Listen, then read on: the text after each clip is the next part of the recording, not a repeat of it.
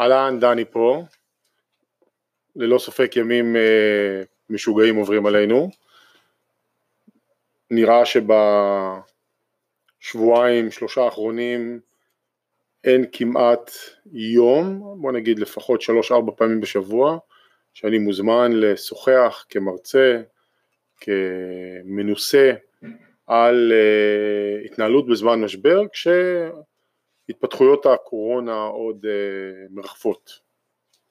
גם הסשן הזה הוא בהשראת המשבר, אנחנו, הוקלט בשני לאפריל, והוא דן במה אפשר לעשות בתקופת משבר ואיך כדאי לפעול. אני מתנצל, ההקלטה נערכה או נמשכה למעלה משעה, כמעט שעה ועשרים דקות, שעה ורבע, אבל משום מה היא נחתכה לקראת השעה, סיום השעה, אז החלק האחרון נחתך, אני מתנצל. מעבר לדבריי, יש פה אה, תוכן עם הרבה מאוד שאלות שאני עונה עליהן, מוזמנים לי להקשיב, להפיק וכמובן לנסות וליישם. תהנו. מקליט? אז קודם כל ככה, אני אציג את עצמי ואז אנחנו אה, נראה מה עושים היום, ערב טוב, ערב טוב לכולם, אה, אז שמי דני בית אור, אני חבר של הקבוצה, אפילו פעם נתתי להם כינוי, ארז, רוברט, גלעד ואורית, היה להם, נתתי, להם, נתתי להם איזה כינוי כאילו, קיצור כמו, כמו המטבחון אני אה, חי בארצות הברית, כרגע עושה את ה live הזה מקליפורניה, אה, בהסגר, בהסגר, אה, ההסגר מי שרוצה לדעת פה כללי ההסגר או הנחיות ההסגר הם קצת יותר רגועות, זאת אומרת הייתי אומר שבעיקר יש פה משמעת עצמית של לצאת כמה שפחות ולצאת לרק מה שחיובי כמו אוכל ולא להתראות עם אנשים אז אה, כן, מי ש... בוא נגיד, מי שיצור אה, מאוד לא חברותי או חברתי, חוגג בימים האלו, זו תקופה נהדרת עבורו, מי שאוהב קצת מגע עם, עם בני אנוש אחרים אז הוא קצת בבעיה. אני קצת חייב לציין בנימה אישית שקורים כמה דברים שנורא מצחיקים אותי כי אני הרבה מאוד שנים מתורגל בלעבוד מרחוק, רוב הלקוחות שאני עובד איתם אה, נמצאים או בישראל או במקומות שונים בארצות הברית, אה, ככה שבשבילי טלפון, סקייפ, זום, אה, וובינארים, זה משהו שאני עושה כבר המון שנים, בטח קרוב לאיזה עשור, אז זה נורא מצחיק אותי שהמון, אפילו מהחברים שלי מהארץ, הגיעו לעולם הזום והווירטואלי, אז הם סוף כל סוף מצליח לעשות מפגשים וירטואליים, מה שבעבר היה קשה. אה, אז זה נחמד, אה, חוץ מזה, חוץ מזה אה, גם עם המשפחה, מפגשים וירטואליים, אז מבחינתי העולם לי מצמצם אליי המון, מצמצם אליי, זה נהדר. הדבר השני זה שאיכשהו התקופה הזאת מוציאה המון המון הומור וניואנסים מאנשים, בטח אני בטוח שכולם פה מקבלים סרטונים ו... ואימיג'ים ו- וממים וכדומה וזה פשוט, אה, אני ממש אה, אה, לא מפסיק לצחוק כי גם לא נשאר הרבה מה לעשות. אני אגיד רק שאני מכיר את רוברט הרבה מאוד שנים, רוברט היה מנטור שלי לפני איזה עשור, אולי קצת פחות, לפני שהפרויקט הזה שנקרא פרויקט איקס נולד או כשהפרויקט הזה התחיל לצאת לדרך, אז הוא לא היה הוא פשוט, אה, רציתי אותו, כי זיהיתי שהוא הבן אדם הנכון, וביום שרוברט ואני עבדנו, בתקופה שעבדנו ביחד, עבדנו איזה חצי שנה פלוס ביחד, אז מי שמכיר את רוברט בטח יודע שלקח, לא הופתע שאני אספר שלקח לי תשעה חודשים להושיב אותו מול המצלמה לשיחה, טיק טק, תשעה חודשים אצל רוברט זה זמן קצר, אה, ואז ברגע שהוא היה מחויב לתהליך לא הייתה שום בעיה, הקושי היה לעצור אותו רגע ולהושיב אותו. אה, ונוצר קשר טוב, נוצר קשר טוב ביני לבין בון רוברט, בין רוברט לבין אשתי, אה, קשר אינטימי גם של, של ישיבה לבתי קפה וארוחות ביחד, לא רק קשר כזה של אה, עסקי. ובאמת איכשהו מאז קבענו איזשהו כלל, כשאנחנו נמצאים אחד באזור של השני פחות או יותר, אז מודיעים, מודיעים ונפגשים בימים שעוד היה אפשר להיפגש, אז באמת לאורך השנים שרוברט הגיע לאזור שאני נמצא בו, שזה דרום קליפורניה, אני הלכתי לראות אותו, או, או ישבנו לאיזה קפה, ובארץ שאני מגיע והוא בדיוק נמצא, אז אני כמעט תמיד כשאני בארץ מוזמן להרצות לקבוצה, אז אני שמח שארז יצר קשר והזמין, וכמובן שאני אשמח. מה שאנחנו הולכים לנסות לעשות פה זה איזושהי סדרה של שלושה, שלוש הרצאות על ככה רלוונטיות לתקופה.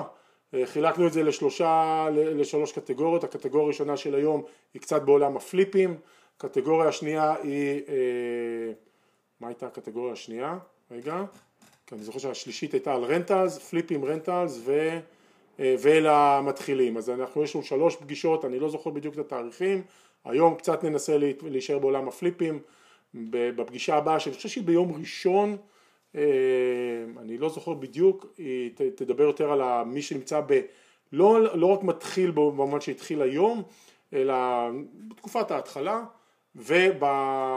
ובמפגש השלישי, שאני גם לא זוכר מתי הוא, אבל זה עוד איזה שבוע או עשרה ימים, אנחנו נדבר על רנטלס. הכל לנסות לחבר את זה לתקופה.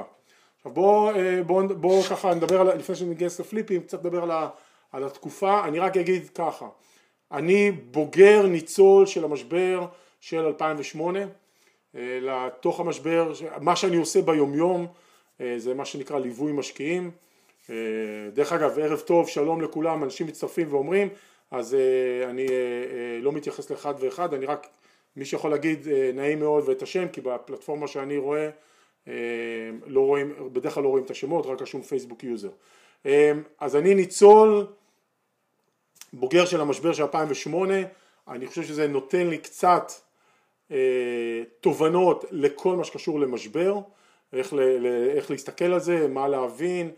זה לא אומר שאני יודע את, ה, את הפרוטוקול מה עושים בדיוק במשבר כי כל משבר הוא קצת שונה, אה, אבל זה בהחלט נותן לי אה, קצת פרספקטיבה או קצת ניסיון או קצת ביטחון אה, כדי להיות בה כמי שהיה בעין הסערה של המשבר הקודם, המשבר של 2008, אני חושב שלתוך המשבר של 2008 כבר הייתי בליווי של, בטח ליוויתי משהו סדר גודל של כבר אלף עסקאות, רנטלס ברחבי ארצות הברית, אני לא זוכר בדיוק, אני מניח שכבר הייתי באזור האלף, אולי אפילו קצת יותר, אה, לא אלף נכסים שלי, גם אני הייתי עם הרבה נכסים בתקופה הזאת ברמה האישית, אבל אה, בעיקר אה, עם, עם משקיעים. ואז מה, מה, מה אני רואה, מה אנחנו רואים קורה, אז יש, קודם כל הכל הוא דינמי ומתהווה. ומצד אחד, אני עדיין באופן כללי, אחרי זה נוריד את זה לרזולוציה של הפליפים. מצד אחד יש משהו שאני לא יודע אם הוא מתוזמן, מי שמאמין לתיאוריות קונספירציה יגיד שזה לא במקרה, אני חושב שאולי זה קצת מקריות אבל יש פה משהו שאני רואה בו איזשהו אה, אה, נקודת אור. בארצות הברית, אני חי בארצות הברית, השיחה הזאת היא ארצות הברית, אני לא מדבר על כל העולם, אבל זה העולם, העולם שאנחנו מתייחסים אליו כרגע, אוקיי? אה, באזור ה-12 למרץ זה מתי שארצות הברית התחילה להיכנס למה שנקרא דיר באלק. התחילו כל הגזרות של לעבור לבתים, לסגור את הבתי ספר, social distancing, כל הדברים האלו שכבר קרו במדינות אחרות, כל אחד זה קרה בתזמון אחר. ארה"ב באזור של 12 למרץ זה מתי שה... מה שנקרא הגרזן ירד וזה היה השבוע הראשון של הגזרות, ה... של השינוי המשמעותי מה שנקרא להתחיל לחזק את הסגר ואחרי זה באו עוד גזרות ועוד גזרות ועוד גזרות או רגולציות או תקנות חדשות אה, ולמה זה מעניין או למה זה פה קצת אה, אה, תזמון מסקרן? ב-12 למרץ זה כבר אומר שרוב התשלומים למשכנתאות שאנשים משלמים ורוב השכרי דירה של מרץ שולמו. ובעצם הפעם הבאה שיש לנו פה אה, אה, אה, תשלומים משמעותיים נוספים זה בתחילת החודש. זאת אומרת שכרי דירה ומשכנתאות בפעם הבאה שהם צריכים לקרות זה באזור הראשון לאפריל או הימים הראשונים של אפריל היום פחות או יותר בוא נקרא לזה השבוע הראשון של אפריל עכשיו למה זה מעניין?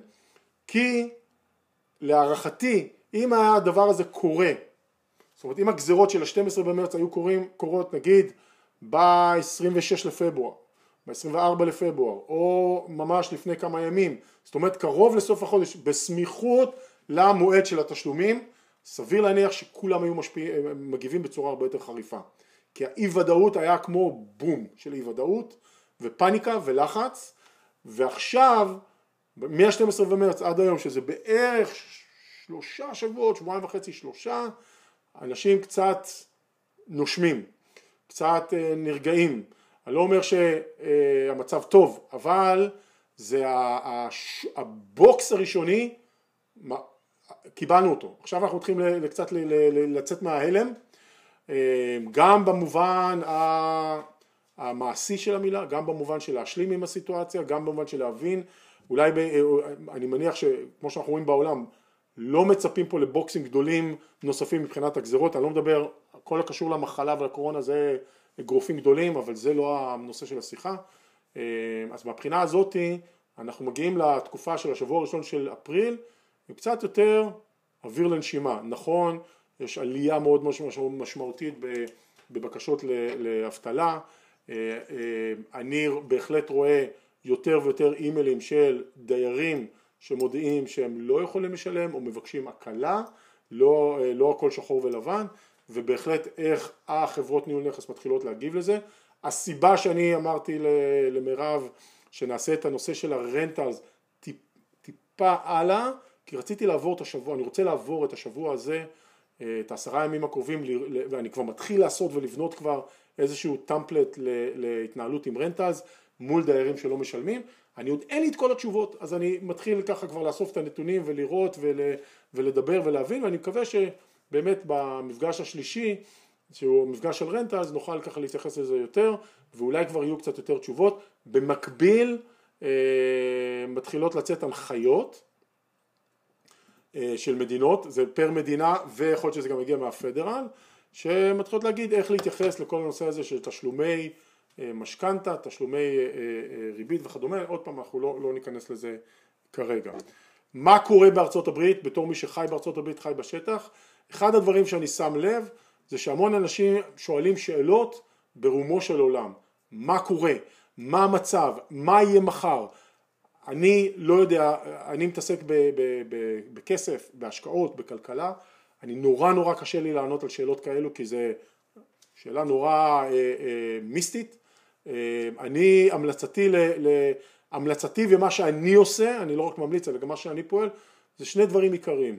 דבר ראשון, אה, ואני חושב שאפילו רוברט אה, באחד מהלייבים שלו דיבר על זה, אני סגרתי את הפייסבוק, אני סוגר את הפייסבוק רוב שעות היום, פייסבוק בשבילי זה כלי עבודה, זה תקשורת במסנג'ר, זה פוסטים, זה כל מיני קבוצות שאני עוקב אחריהם, אז זה בהחלט כלי עבודה, אני לא יכול לסגור אותו באופן מלא, אבל אני סוגר אותו, מדליק, רואה, קורא, הודעות, עניינים, סוגר, חוזר אליו אחרי כמה שעות כדי לצאת מה... מה זה מנטרל, פייסבוק מנטרל, אתה מושך אנרגיות ואותו דבר לאתרי החדשות. בבוקר אני פותח אתרי חדשות, רואה מה קורה, מקבל דיווחים, מתעדכן, סוגר, פותח או בצהריים או אחר צהריים או בערב עוד פעם ובזה אני גומר.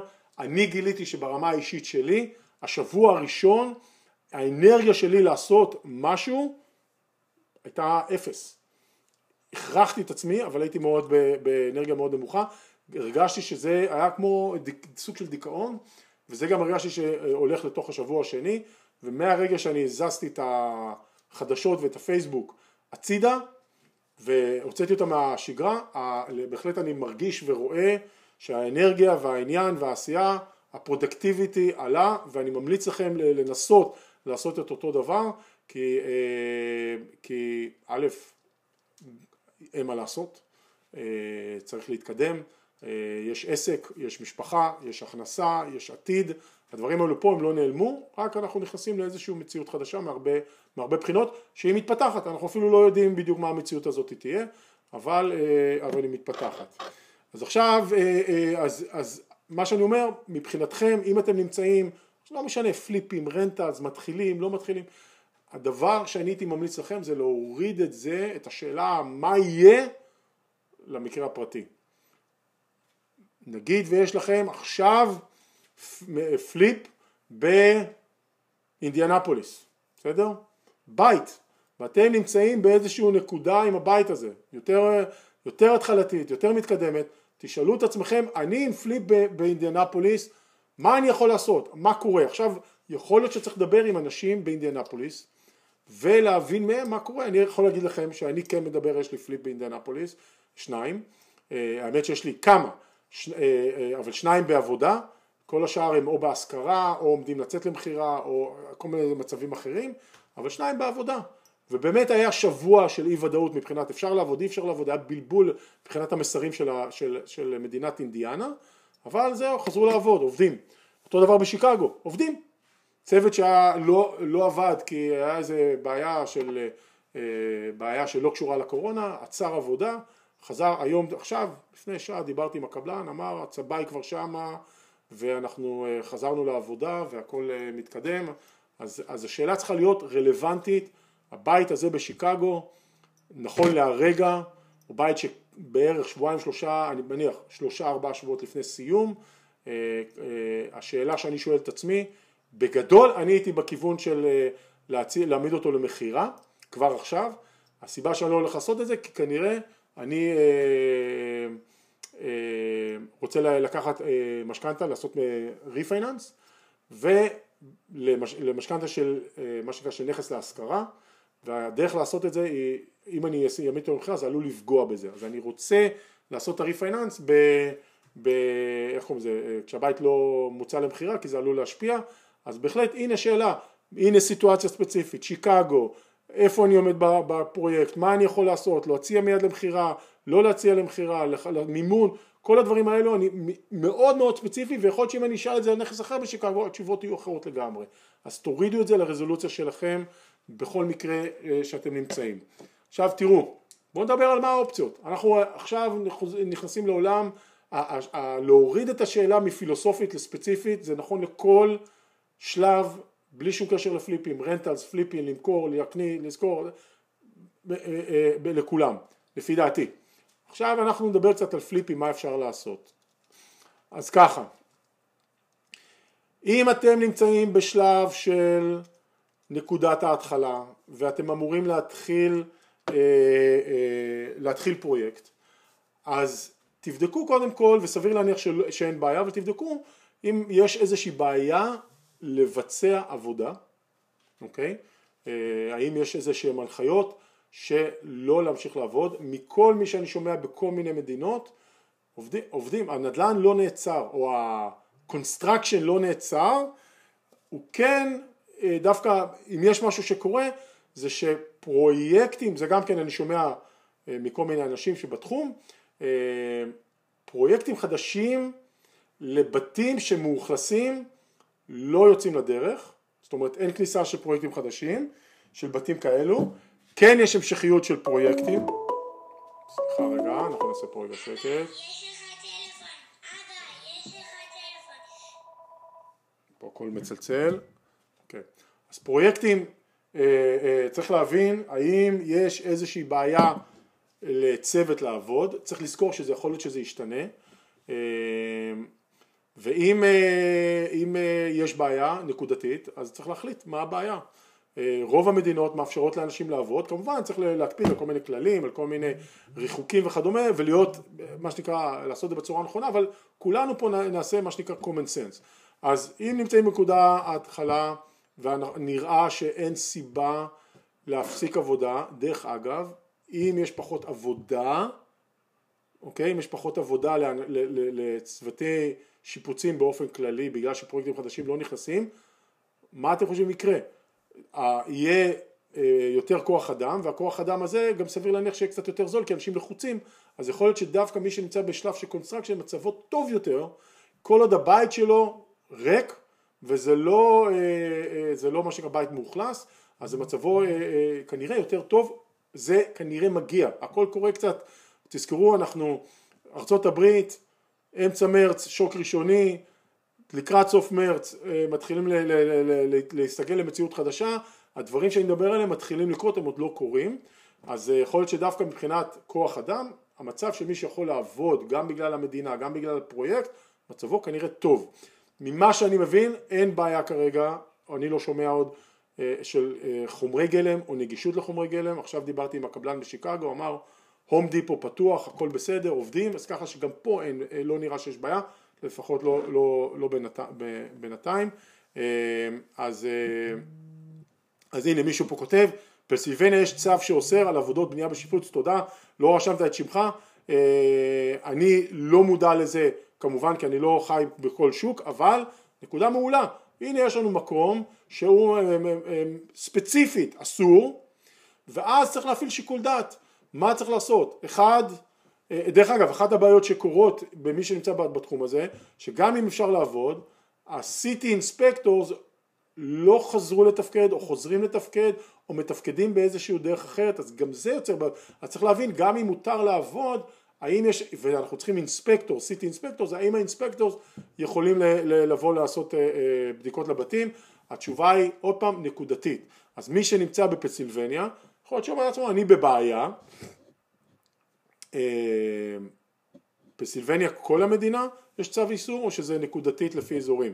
סתם אני טועה עם מי שכתב את זה. יכול להיות שהתשובה שלכם היא להגיד אוקיי אה, הנה כותבים ג'קסונוויל עובדים כרגיל אה, אז בפנסילבניה יכול להיות שצריך לקבל החלטה לעשות לסגור את הבית מה שנקרא לסגור אותו הרמטית אה, הרמטי יכול להיות מספיק באיזה אזעקה ולוודא שהוא נעול ולבדוק שמישהו ככה דוגם אותו פעם בשבועיים לסגור אולי ברז מים לרוקן אולי ברזים בכלל, לסגור את הברז הראשי, לרוקן מים, להתייעץ עם מישהו מקומי מה כדאי לעשות במצב כזה, אנחנו יוצאים מהחורף שזה מצב טוב אבל אה, אה, בהחלט משהו שלהתלבט עם הצוותים, איך להגן על הבית, אם אתם נמצאים בבית בשכונה בעייתית יכול להיות שהדבר הנכון הוא אה, אה, מה שנקרא to board up the house, לשים אה, איך זה נקרא, boards של מעץ, זה גם אפשרות אה, צריך להפעיל את השיקול נקודתי איפה אתם נמצאים. אם אתם נמצאים במקום שאתם כבר יכולים לעבוד ואתם, יש לכם אי ודאות מה יהיה כשתסיימו את הפרויקט, אולי הדבר הנכון הוא לחשוב על אסטרטגיה של לשפץ להשכרה ולא לשפץ למכירה ולהתכונן למצב שאחרי סיום השיפוץ להשכיר את הבית ולא למכור אותו, זה אפשרות. זה יוזיל לכם קצת בעלויות אה, כי צריך finishing אה, קצת יותר אה, פחות fancy אבל זה אפשרות. משהו לשקול משהו לחשוב עליו. אם אתם נמצאים במצב שאתם הבית עומד למכירה ואין קונים אז אולי להיערך לאפשרות של להשכיר אותו לא מיד בעוד חודש חודשיים נעבור את הקיץ תזכרו אנחנו האוכלוסייה עדיין בטווח, בתחום ההלם בסדר? לאט לאט יצאו מההלם, אוקיי? לא כולם יצאו ממנו בצורה טובה או חלק ילכו למצב יותר קשה בגלל שהם מאבדים עבודה או משהו מהסגנון הזה אבל אנחנו, אה, אנשים יצאו גם מההלם, לא כולם מאבדים עבודה, לא כולם אה, לא עובדים, לא כל, לא, לא כל הכלכלה אה, עצרה לגמרי. אז צריך לזכור אה, אה, שהנה בינתיים רושמים פה בצ'אטים תודה סינסינטי, אה, לא יודע מישהו אמר גם סינסינטי אבל לא יודע למה הוא מתכוון. אה, גם מה, South אה, Carolina South Carolina ממשיכה כרגיל, אז אתם רואים יש, אה, רוב המקומות ממשיכים לעבוד, דרך אגב, אז, אז מי שנמצא במקום של מכירה ולא ברור לו, פעם הייתי אומר תשקלו לעשות Airbnb, אני עשיתי את זה על שני בתים, בפועל היום Airbnb גם קצת בעייתי, גם בעייתי, אז זה לא איזה אלטרנטיבה אה, אלא אם כן יתפתח פה איזה תת קטגוריה של בתים אה, מוכני קורונה להסגר, אבל אה, אם זה יקרה אז ה-Airbnb פתאום יהפכו להיות כן אטרקטיביים לחולי קורונה, זה יכול לקרות, זה יכול לקרות, לנו היה סיטואציה של בית באינדיאנפוליס שהוא Airbnb, כשהכל פרץ מישהו חיפש בית, אני לא חושב שזה בסוף קרה, איתנו לסטודנטים שנאלצו לעזוב את הקמפוס ולא היה להם איפה לגור ופתאום ה-Airbnb התאים לסיטואציה הזאת. לא יודע מה נגמר עם זה בדיוק, אבל זה בהחלט משהו שראינו פה איזשהו אה, סגנון אחר של אה, short term rentals, אבל לשקול אולי לעבור לרנטלס. לא מיד. כל מי שלא בטוח, תתחילו לבדוק, לעשות לכם תוכנית גיבוי ראשונה, שנייה, שלישית, כמה שאתם יכולים, כדי להתחיל לזוז בכיוון, ואז את האנרגיה תשקיעו עכשיו בלהתכונן למה ש... לאפשרויות. במקום להתחיל לעבוד על אפשרויות האלה עוד חודש, עוד חודשיים, תתחילו לעבוד עליהם עכשיו. נגיד, רנטל, צריך חברת ניהול נכס, אה, צריך איזשהו פתרון, דרך אגב, אנחנו התחלנו לעבוד עם איזו חברת טכנולוגיה שתומכת בניהול עצמי, אה, זאת אומרת עושה את כל האופרציה של, אה, של ניהול נכס, אבל, אבל זה תחת ה-self management, וזה שינוי שאני עושה איתם פיילוט כדי, בגלל שהעלויות שלהם יותר נמוכות ובגלל שזה אמור לפתור את כל הכאב ראש האופרטיבי של תקלות ועניינים ועדיין להשאיר אותי במקום השליטה, זה משהו שפיילוט שהתחיל לפני חודש וחצי חודשיים ועכשיו הוא קצת אה, נעצר בגלל כל הסיטואציה אבל אנחנו, אין פה, זה, אנחנו הולכים להמשיך איתו. אה, לעבוד, למצוא איזה פתרון שהוא יעזור לנו ב, מה, מהבחינה של הניהול של הנכסים והם פועלים בכל מקום בארצות הברית אז זה מאוד נוח אה, למצוא פתרון מהסוג הזה, זה דוגמה לדברים ש, שגורמים לנו לעשות שינויים אה, במציאות הנוכחית, אז אה, להתחיל, אה, להתחיל לקרוא, לבדוק על חברות ניהול נכס או מה לעשות מהבחינה הזאת, להתחיל אם הולכים באמת, אם כן יש איזו סיטואציה שאפשר לעשות short term rental, יש פתרונות איך להכין את הבית, צריך למצוא מישהו שיטפל בזה, זה גם משהו ש... אני אומר, Airbnb מודל כרגע בקריסה, אבל אולי נוצרת סיטואציה שצריך בתים, בתים מוכנים להסגר לאנשים, אני לא יודע מה זה אומר, אבל נגיד וזה משהו שקורה, אז יכול להיות שיש פה איזה נישה בין קרונות מסוימים שזה יכול לעבוד, אבל אולי צריך להכין את הבית לזה, מה זה אומר, מי מכין, צריך להתחיל לבדוק, לעשות את השיעורי בית האלו, להיות מוכנים. יכול להיות שאתם נמצאים בסיטואציה שאתם אומרים, תראו אחד הדברים שאני אה, אה, אה, עם השנים תמיד שמעתי, אה, המליצו לי לא לעשות והיו פעמים שעשיתי את זה וזה עבד, זה למכור את הבית תוך כדי שיפוץ, אוקיי? למכור את הבית תוך כדי שיפוץ. תמיד התשובה המקובלת בתחום, מה פתאום, קונים אין להם חזון, אף אחד לא זה, אני לא יודע, אני, הפסק, אני אה, אה, עם השנים הפסקתי להקשיב לכל מיני תיאוריות כלליות, אני אוהב לבדוק. אני היה לי בתים ש... אה, היה לי, היה לי בית שפרסמנו, אה, תוך כדי שיפוץ הגיע קונה, נכנסנו לחוזה, סגרנו חוזה, סגרנו הכל, ביום שהבית היה גמור, בערך שבוע, עשרה ימים אחרי זה, היה סגירה, טיק טק. בעצם הקונה חיכה לבית בלי שום בעיה. עבד, עבד. יש לי בית שעכשיו, הבית בשיקגו, גם כן, שמנו אותו למכירה כבר לפני שנה, שהוא עוד היה באמצע השיפוץ, היה חוזה, לצערי הרב זה לא יצא לפועל כי הגיעה קונה שחשבה שהיא קונה בית, אה, אה, בית ב-650 אלף דולר, מבקשת מאיתנו שנעשה שדרוגים ב-80 אלף דולר על חשבוננו והתנהלה כאילו היא קונה בית במיליון דולר חדש מהקבלן וזה פשוט לא עבד, אבל היה, ראו את הבית, היה הצעה, ההצעה הזאת שלא התקבלה, שלא עבדה בסוף, היה מישהו אחר שכבר שקל לשים הצעה, בסוף הם, הם לא שמו הצעה, אבל היה תנועה. זאת אומרת, כל הנושא הזה של אה, אה, אה, לשים את הבית כל עוד, כשהוא עדיין בבנייה, זה משהו שאפשר להסתכל עליו. תלוי באיזה שלב, תלוי מה מצב הבית, תלוי מה אתם עושים, בהחלט אפשרות. אפשרות נוספת אם אתם בפליפים, נגיד ויש לכם נכס שאתם כרגע אוטוטו מוציאים לשוק או מוצאתם לשוק ונגיד נגיד שאתם כבר בשוק חודשיים ואין שום דבר, בסדר? נגיד. ואתם מתחילים להיות לחוצים ופניקה ויש לכם אוויר לנשימה לעוד חודש. יש אפשרות לעשות list to buy, list to own, seller financing. אני לא אומר שהדברים האלו הם דברים אידיאליים, אבל זה משהו שמי שנמצא בסיטואציה הזאת ומתלבט, זה עוד אפשרות. תראו, אחד הדברים שאני תמיד אהבתי, אני פועל בשוק בארצות הברית משנת 2002 קניתי את הנכס הראשון שלי. ב-2004 עברתי לארצות הברית והתחלתי לעסוק בזה בצורה מלאה, בללוות משקיעים, אז אפילו לא ידעתי שקוראים לזה ליווי משקיעים, אה, ומ-2004 ועד היום ליוויתי סדר גודל של 4,500 עסקאות רנטלס, בעיקר רכישות אבל גם מכירות, ועשיתי כמעט 100 פליפים, אוקיי? אז צברתי קצת mileage וניסיון, אני תמיד, אה, אה, אחד הדברים שאני אוהב בשוק בארצות הברית, יש הרבה דברים שאני אוהב, אבל אחד מהם זה השוק הוא כל כך משוכלל, שיש פה פטנטים.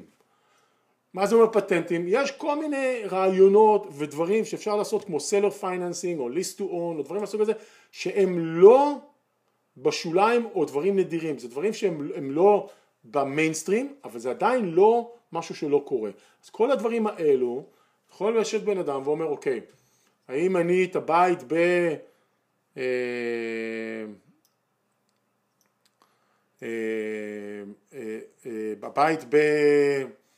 לא יודע, נגיד בסינסנטי, אני יכול להשכיר אותו, יכול להוציא אותו למכירה, אני יכול להמשיך עבודה, מתחיל לשאול את השאלות הספציפיות, אוקיי, אני לא יכול, מה אני יכול לעשות, אין קונים, מה אני יכול לעשות, ואז להתחיל לבוא עם הרעיונות, עם המחשבות, ולהגיד, אוקיי, אני צריך עכשיו לבדוק ארבעה כיוונים.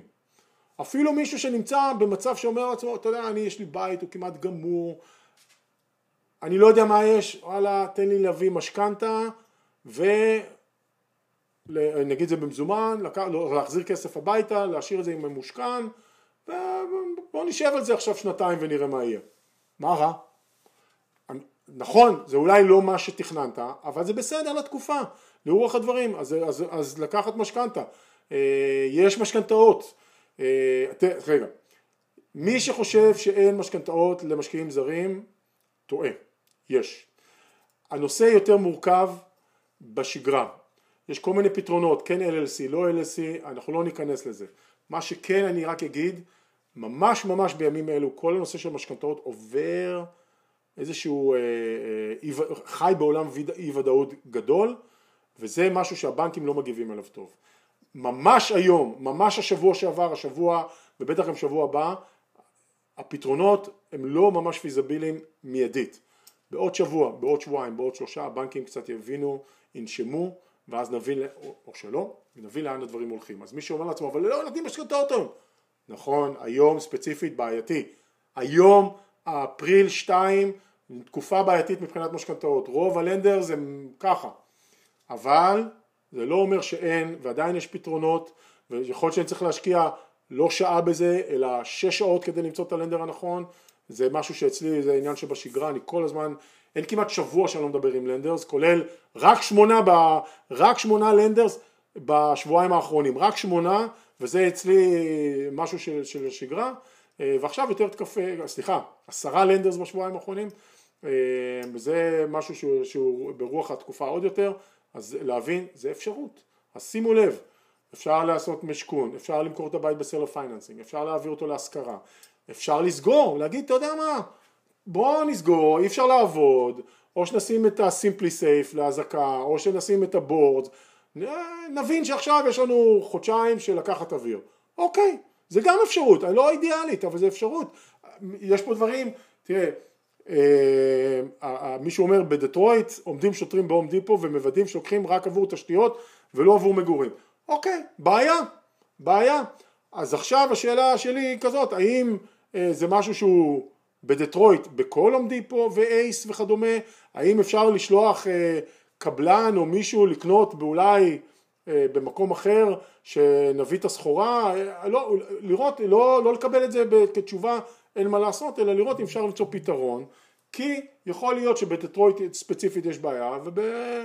לא יודע, באיזה שוק שנמצא שלוש שעות משם אין את הבעיה הזאת, נכון, זה קצת מסרבל, אבל הולכים עושים קנייה אולי קצת יותר גדולה ו... ומביאים סחורה, אז זה גם, אה, גם אפשרות. אז אני חוזר עוד פעם, שאלות ספציפיות, זה הבית, זה האזור, זה המציאות, מה אני יכול לעשות במיידי, מה אני יכול להתחיל לחשוב כתוכנית פעולה, תוכנית גיבוי א', ב', ג' וד', איזה דברים אני צריך לעשות לכל אחד, תרשמו משימות אישיות ולצאת לדרך. עכשיו אחד הדברים המדהימים פה בפרויקט איקס, יש פה קהילה מדהימה, פה אפשר, לא חסר עם מי להתייעץ, לא חסר עם מי לה... עם מי לעבוד, אה, עם מי להתלבט, מנטורים, רוברט, אתה יודע, לפעמים אה, אנשים כמוני מגיחים לסיבוב, אני כבר, זה לא פעם ראשונה שאני מרצה לקבוצה, אז זה דברים שאתם יכולים להשתמש בהם, כלים אה, של אנשים מנוסים אה, שאפשר לדבר איתם, להתייעץ איתם, לקבל אה, אה, מידע, רעיונות ולעבוד, לעבוד. מי שנמצא במקום של חוסר אנרגיה ומרגיש מנוטרל חייב לעשות, לעשות איזה שינוי סביבתי כדי להוציא אותו מה, מהניטרול הזה. תדברו עם איזה חבר אה, או עם איזה חבר טוב או שניים, איזה קבוצת תמיכה, תראו איך אתם יוצאים החוצה מהסיטואציה, זה לא קל, אה, הכוח שיש פה שמשפיע עלינו אה, בהחלט משהו שמשפיע על התפקוד, אז תנסו לשנות את ה...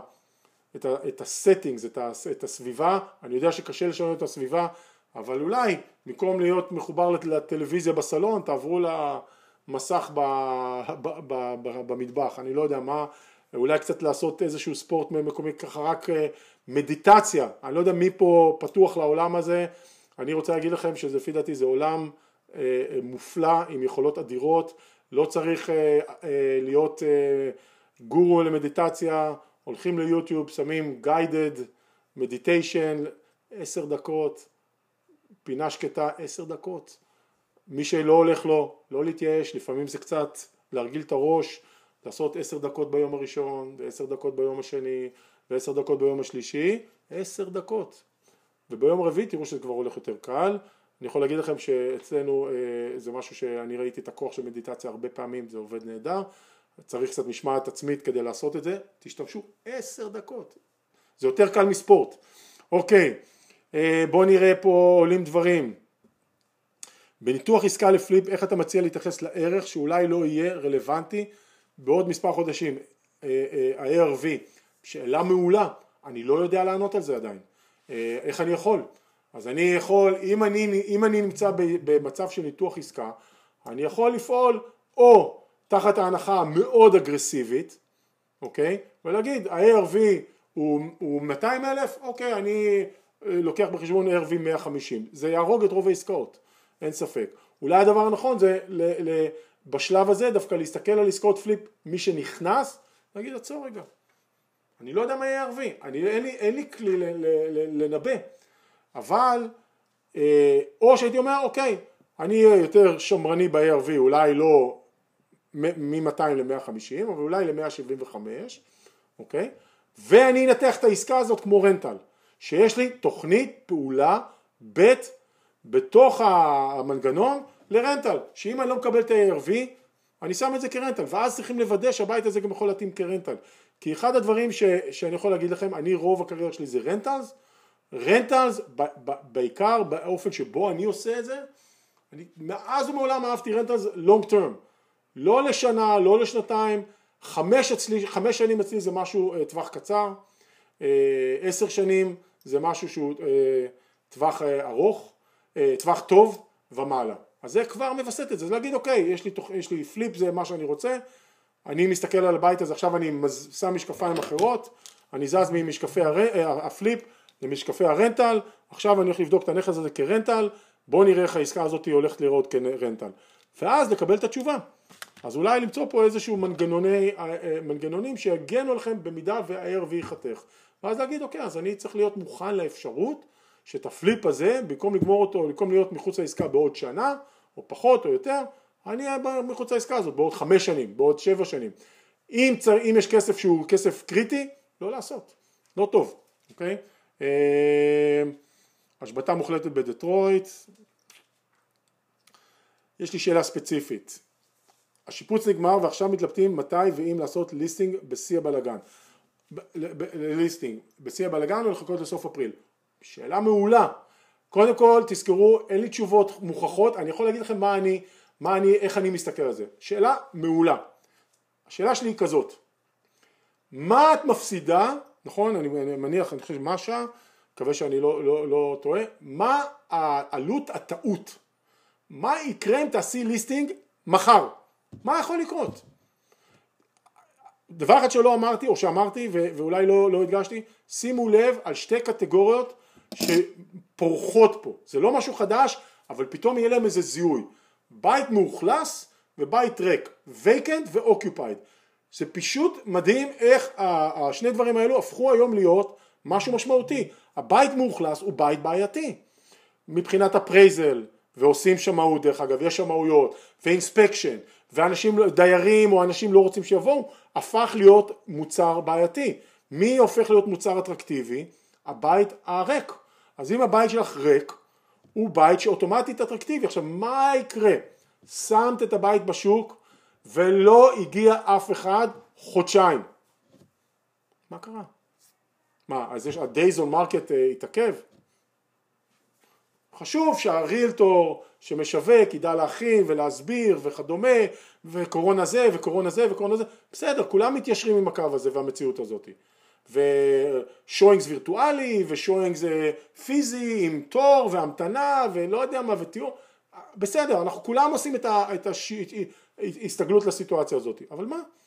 מה? להוציא את הבית. אני לדעתי במקרה הכי גרוע לא נמכר. במילא הוא לא נמכר עכשיו אז מה יכול להיות? כל התעלות, לפי דעתי, אלא אם כן יש פה משהו שאני מפספס, תגידי לי, עלות הטעות היא ה-days on market.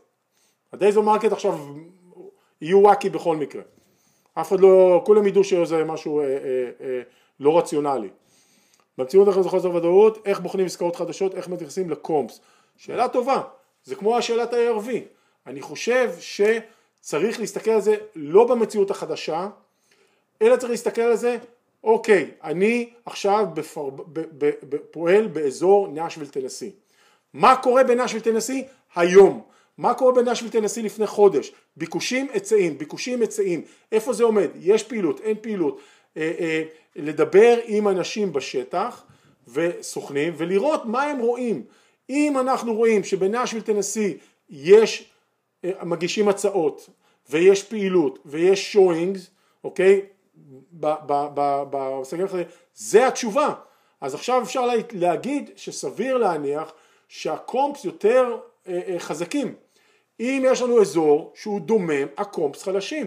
שאלה ספציפית, לא ARV, לא קומפס, אלא קומפס של הבית הזה, באזור הזה, אחרי שעשינו את השיעורי בית של מה שקורה מסביב. שאלה טובה, אבל צריך להוריד את זה לרזולוציה, ואולי לקחת את זה משנה זהירות. להגיד אוקיי, זה הקומפס, אני לא יודע מה יש, יש אי ודאות, אם אני קונה, אני צריך לנצל את האי ודאות לכיוון שלי, כי גם יש פחות קונים בשוק.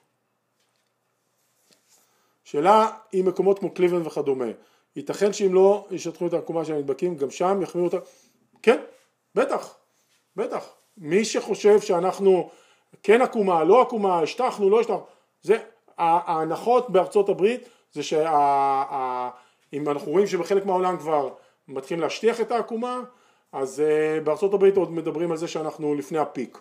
אז כן, הכל עוד יכול להחמיר, הכל. אז uh, זה צריך להבין שזה uh, שאלה טובה, שזה בהחלט משהו שעל הפרק. הנכס יישב בשוק הרבה זמן, מוריד את האטרקטיביות. אוקיי, אני מניח שזה משהו בהתאם לשאלה של הליסטינג.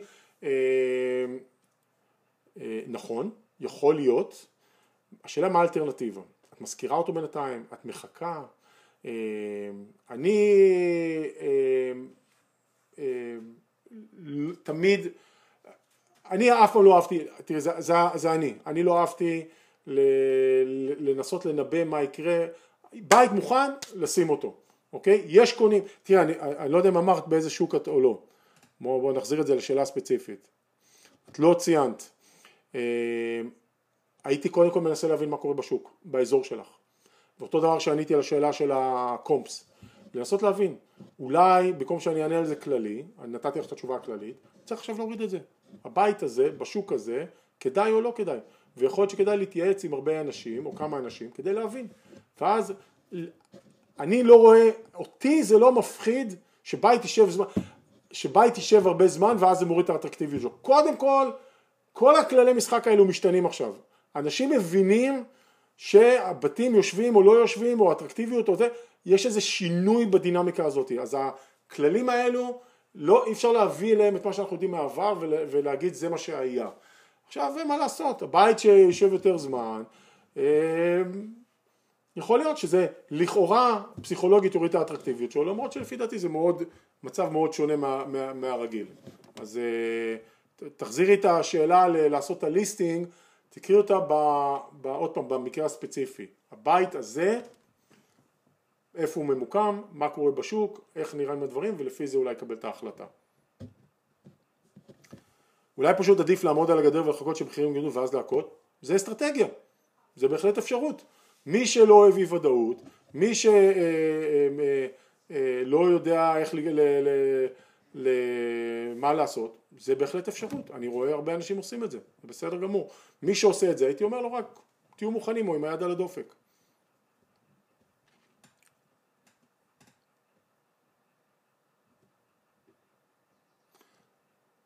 האם ה-days on market נסלח או, או, או שהבית שצובר זה נשרף?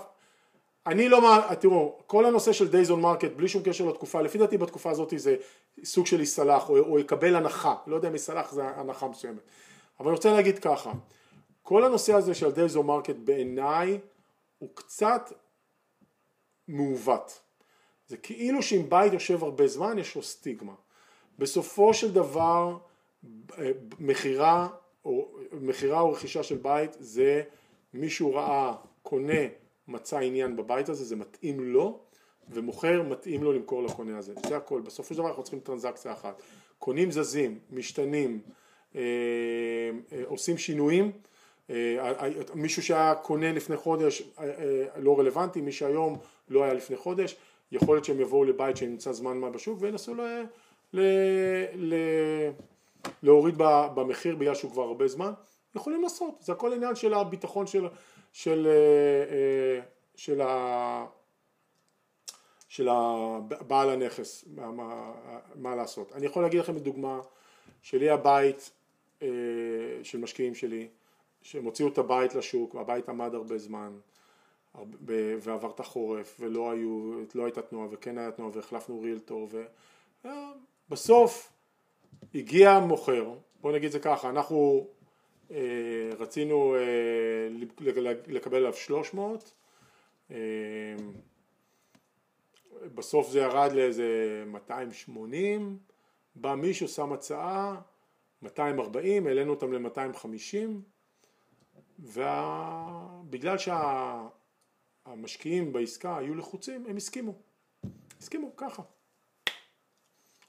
ואני אמרתי אתם לפי דעתי עושים טעות, בואו ננסה להמתיק את העסקה, בואו ננסה ל, ל, לעשות אותה יותר טובה, ובכל זאת הם היו לחוצים, הם כבר נמאס להם, והם כבר לא היה להם כוח, והם איבדו אמון וזה, ואני מבין את זה פסיכולוגית, הם, ועוד אנחנו תחת חוזה, והתחיל הדו דיליג'נס, הגיעה הצעה נוספת, אני לא זוכר, או שהיא הייתה ב-260 או ב-265, הגיעה עוד הצעה, ועכשיו כולנו התפללנו שהם יבטלו את העסקה הראשונים, וכל מה שהם ביקשו סירבנו, כי אמרנו אה, ניתן להם את כל העצה, אה, כל העצות, כל הסיבות לבטל, והיה לנו backup offer, אבל מה לעשות, הראשונה, הראשונה כן אה, נסגרה ונרכשה ועברנו הלאה. לגבי רנטלים, עכשיו שעצרו את האפשרות למה ש, שאפשר לעשות לנכסים בהם שוכרים, אוקיי, טוב, נראה ש... עוד פעם, כל הנושא של מה שקורה עם תשלומי שכר דירה, evictions ו... evictions ותשלומי משכנתה אה, מתחילות לצאת הנחיות או החלטות ברמת המדינה או ברמת הפדרל, זה ככה משהו שמתהווה, אה, courts אה, סגורים ככה שגם מי שעושה איביקשן אה, לא, לא יכול ממש לעשות איביקשן כרגע. ההלך רוח הוא למצוא פתרונות לעבוד עם הדיירים כדי להסדיר את זה. הנחה בשכר דירה, לוותר על קצת, לעשות את זה, לפרוס, למצוא איזה פתרון, אה, כי בעיקר אין אביקשן קורס, אוקיי? אז uh, הבעיה עכשיו שאני רואה שמסתמנת זה שדיירים יכולים לנצל את, המצ... את, ה... את המצב, או שבאמת הם עוברים משהו, או שהם מנצלים את המצב, ו... אה, ו... אה, אה, מבקשים הוכחה שהדייר לא יכול לשלם. זאת אומרת, אני, יש לי בעיה לשלם את המשכנתה כי לא קיבלתי שכר דירה, והבנק רוצה אישור או פרטים מהדייר שלא מחויב לתת לי כדי שאני אוכיח לו שבאמת יש בעיה, בעייתי. הבנקים פה מתחילים, אם זה באמת הכיוון אז הם אה, יורים לנו ברגליים, יורים לעצמם כי אני לא בטוח שתמיד נוכל לקבל את זה. אה, ומצד שני אין לנו פה כרגע אה, כאונרס כלי, כלי להילחם בזה כי אין evictions. אז הדבר הכי נכון ומה שאני רואה המלצות מכל ה property manager שאני עובד איתם לנסות לעבוד עם כל דייר נקודתי על הסיטואציה שלו כרגע לקנות זמן, לאסוף כמה שיותר כסף, ראיתי מישהו שאמר בואו תשלמו חצי עכשיו וחצי עוד שבועיים, בואו תשלמו ככה עכשיו ועוד קצת עוד שבועיים, אה, אה, צריך למצוא לזה פתרונות, אה, גם אני עם הבתים שלי גם נמצא במצב הזה. יש לנו בית שעומד למכירה חודשיים, יש המון התעניינות והצעות. ולאחרונה מקבלים הצעות מאוד נמוכות לחוצים מאוד על כסף, מומלץ להתפשר על מחיר המכירה. או, שאלה טובה. אה, תראי, בוא, זה שאלה מעולה, ככה. אני כל פעם שאני צריך להתפשר על מחיר, אני מנסה להמתיק באיזשהו מקום אחר, אוקיי? לדוגמה,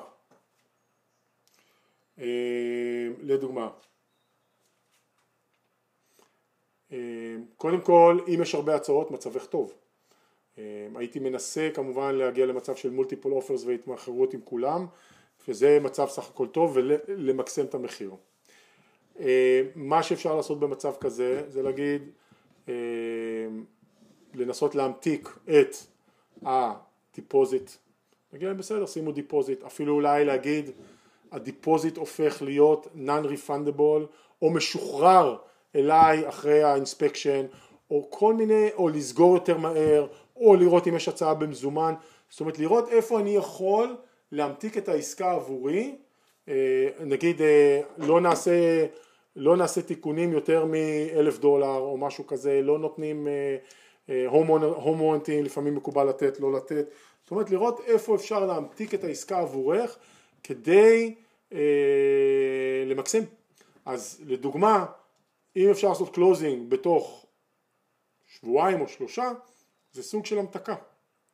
אם אפשר להגיע למצב שהדמי קדימה, earnest money, הופך, הוא משוחרר אחרי האינספקשן, או אפילו חלק ממנו, זה גם משהו, זה אומר שברגע שאם הקונה לא קנה, הכסף הזה שלך. אז זה מסוג הדברים שננסות להגיד, אוקיי, בסדר, אבל בואו נראה איפה אנחנו יכולים לקבל יותר. ולמזער את, ה, את, ה, את, ה, אה, את, ה, את הנזק שלך, באותה נשימה הייתי הולך לסוכן. ואומר לסוכן תראה גם לסוכן של הקונה וגם לסוכן של המוכר. הוא אומר תראה אנחנו כבר חודשיים וזה בוא, בוא, בוא, בוא, בוא תעזור לי. אני מתלבט אני סופג פה את כל הזה בוא תראה איפה אתה יכול לעזור לי. אני הייתי בסיטואציות אה, אני צריך לזכור לפחות אחת אבל בטח היה יותר שהסוכן אה, מה שנקרא אמר אני מבין, לא, בטח כמה סיטואציות, בטח, שלא קשורות לקורונה. והסוכן אה, ראה את עצמו כחלק מה, מהאופרציה וחלק מהמערכת יחסים וזה לא עסקה חד פעמית, הוא אמר בסדר והורידו נתנו הנחה. אז בעצם יצא שאולי חתכנו, אה, חסכנו בכמה נקודות, לא קיבלנו את מה שרצינו אבל מצאנו את, ה, את, ה, את הקונסטלציה שבה העסקה יכולה לצאת לפועל ובלי לחטוף את כל ה... אה, את ה... לא לספוג את כל ההנחה ש... שבאה עם זה. המתווכת שלנו בקליבלנד שמה ב market ארבעה בתים שבועיים אחרונים וקיבלה, וקיבלה הצעות. נהדר, נהדר, הנה בבקשה, נקודתית, ספציפית, קליבלנד, הנה יש פה, יש פה אה, אה, משהו מאוד מאוד מאוד ספציפי, יופי, זה בדיוק אה, אה, אה, המצב. אה, או, יניב שואל האם זה זמן טוב לחתום עכשיו על חוזה לפליפ? עוד פעם, שאלה מאוד ספציפית, כן או לא, איך השוק, איך ה-ARV ביחס למה שקורה, האם יש ARV, אה, ARV מחודש בשוק ש, שאתה מדבר עליו, האם יש בעיה של עבודה אה, אה, בשוק הזה, אם אין בעיה של עבודה, נכון להרגע אז, אז זה דבר טוב, אם אתה יודע שהשוק הזה בעייתי מבחינת עבודה אז יש לך פה קצת, קצת עניין, אולי לנסות להמתיק את העסקה, זאת אומרת עוד פעם, נקודתית, סיטואציה ספציפית לקבל את ההחלטה אה, ולא, אה, ולא אה, כללי. למה לא כדאי להמליץ לחכות חודש לפני כניסה לדברים חדשים על מנת לראות מה קורה? למה לא? בטח. כל אחד שיעשה מה שהוא מבין. אני חושב, אין פה תשובה אחת. יש אנשים שאת החודש הזה הולכים לשבת ולחכות, וזה נשמע לי הגיוני לגמרי, ולא לעשות כלום, אולי חוץ מלהעמיק את הידע ואת ההעשרה וכדומה, ולראות איך חודש, בסדר גמור. מי שחושב שאני, אם נשמע שאני מטיף פה, אלי, ללכת ולקנות מחר וכדומה, ממש לא, ממש לא. אני חושב שכל אחד צריך לקבל את ההחלטות, המסר הוא כל הזמן, מה הסיטואציה ומה נכון. שים לב, השאלה שלך, אני לא יודע איפה אתה נמצא, אבל זה משהו שבהחלט סוגיה שאנחנו בטח נדון עליה במפגש הבא, שזה נקרא המתחילים, המפגש למתחילים, או אלו שרוצים להתקדם. אז אה, לגיטימי לגמרי, הרבה אנשים עושים את זה. קבלן שרוצה לעבוד למרות האיסור הקיים בפנסילבניה, האם זה חושף אותי לסיכון כבעלים של הבית? האם הביטוח שלו יכול לא לכסות אותי? אה, או, שאלה מעולה, אני לא יודע לענות לך, זה משהו שאני הייתי שואל עורך דין, אולי אפילו מתקשר לסיטי ושואל, משתדל לא, לתת, לא לחשוף, אלא להיות כזה,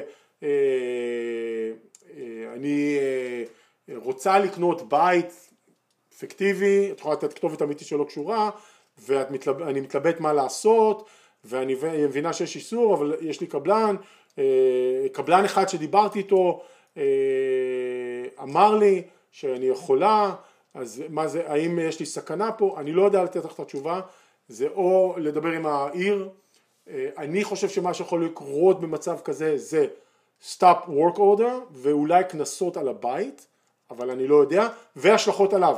השלכות עליו זה שימוע, משהו עם הרישיון, אז יכול להיות, אבל אני לא יודע עד כמה זה אגרסיבי, אני לא יודע אם אמרת, בפנסילבניה, עד כמה אוכפים את זה, אני חושב שאם יש אכיפה ואפילו קלה, השכנים מהר יתקשרו, דרך אגב, אני, אפשר לצפות, אז אה, משהו שאני הייתי בודק, אני לא יודע לענות לך, צריך לתת, זו שאלה מצוינת, לעשות שיעורי בית, אפשר להתקשר לסיטי ולשאול, או לאיזה הוטליין ולהבין, סביר להניח שמהם אה, תקבלי את התשובה הכי קיצונית, אבל לפחות את תדעי גם מה התשובה הכי קיצונית ואיך זה יכול להשפיע עלייך. אה, דרך אגב, גם הסוכן ביטוח, לשאול, לשאול את הסוכן ביטוח, אני, אני מאמין שאין פה בעיה של ביטוח, אבל כן, לשאול את הדברים האלו. יש תנועה בשכונה מבחינת מכירות, יכול להיות שהם ירדו אותה, אוקיי, סבבה, נהדר. האם הסוחרים קיבלו מספיק תמריצים או פיצוי מהמדינה כך שאין להם שום תירוץ לא לשלם כרגע? עדיין לא קיבלו, זה קורה. ועדיין לא, עד שאנשים לא, לא בדיוק, אה, אה, עד שהם לא יקבלו, לא נדע בדיוק מה אנשים יעשו, אין פה תשובה אחת, שוכרים זה לא יחידה אחת, יש שוכר זוג, שאחד איבד את העבודה ואחד לא, ויש שוכרים ש... אה, שזה בן אדם יחיד והוא כן איבד ולא איבד, אין פה תשובה אחת וזה ממדינה למדינה, אנחנו נדע איך העולם הזה הולך להתנהג, העולם הזה של השוכרים כאיזשהו דפוסים ב, ב, לפי דעתי בשבוע עשרה ימים הקרובים יותר טוב. הופה, שאלה מעולה, האם אפשר לבצע קנייה מכירה בישראל מבחינת נוטריון אפוסטילי וכדומה, מה האלטרנטיבה? מעולה, ככה, עד כמה שאני מבין, תרגישו חופשי לתקן אותי, אין בתי משפט בארץ, אי אפשר לקבל אופוסטיל ואין, אה, ואין אה, קונסוליה. אם אני טועה, תגידו לי, אתה טועה, יש. כמה שאני יודע, אין. בואו נצא מנקודת ההנחה שאין אופס... אה, אופ... שנוטוריון אפשר, אופסטיל לא, ו... ואיך קוראים לזה, ב... אה, אה, ונוטוריון אין, אפשר יש, אופסטיל אין ואין קונסוליה. מה עושים? מתקשרים לחברת הטייטל, אומרים לה הנה הסיטואציה, ערוכים או לא ערוכים? יש פתרונות חוקים והיום מקדמים את זה עוד יותר כי לא כל המדינות נמצאות שם שנקרא Webcam Notary, נוטוריון בוובקאם הבעיה עם הנטוריון ובקאם לא, זה קונספט לא חדש, יש כבר איזה שלוש מדינות שאישרו את זה, אבל עכשיו מתחילות הסוגיות לצוץ, מה מותר, מה אסור. לדוגמה, נטוריון שנמצא בווירג'יניה, האם הוא יכול להחתים אותי שנמצא בקליפורניה? עד היום קליפורניה אמרה אי אפשר, עכשיו קליפורניה אולי משתנה. נטוריון שנמצא בווירג'יניה, אה, אה, קונה, קונה או מוכר שנמצא בישראל, בית שנמצא בניו יורק, אני לא יודע, לדבר עם החברות טייטל ולהגיד להם זו הסיטואציה, אני צריך להבין מה עושים או האם יש פה פתרונות ביניים. מה זה פתרון ביניים? אומרים אנחנו עושים איזשהו אסקרו של המסמכים, אסקרו של הנתונים, אני לא יודע, החברות, הטייטל והאסקרו מתחילות ל- ל- ל- למצוא פתרונות, חייבים לדבר איתם כי יש פה המון מורכבות, איפה המוכר, איפה הקונה, איפה הנכס, איפה הנטוריון, אוקיי? תראו כמה רבדים, אז לדבר איתם, להסביר להם, מי שהולך לקנות, לבדוק את זה כדבר ראשון, והשאלה הזאת היא עוד יותר מורכבת אם יש משכנתה או עד משכנתה, אוקיי? לקונה.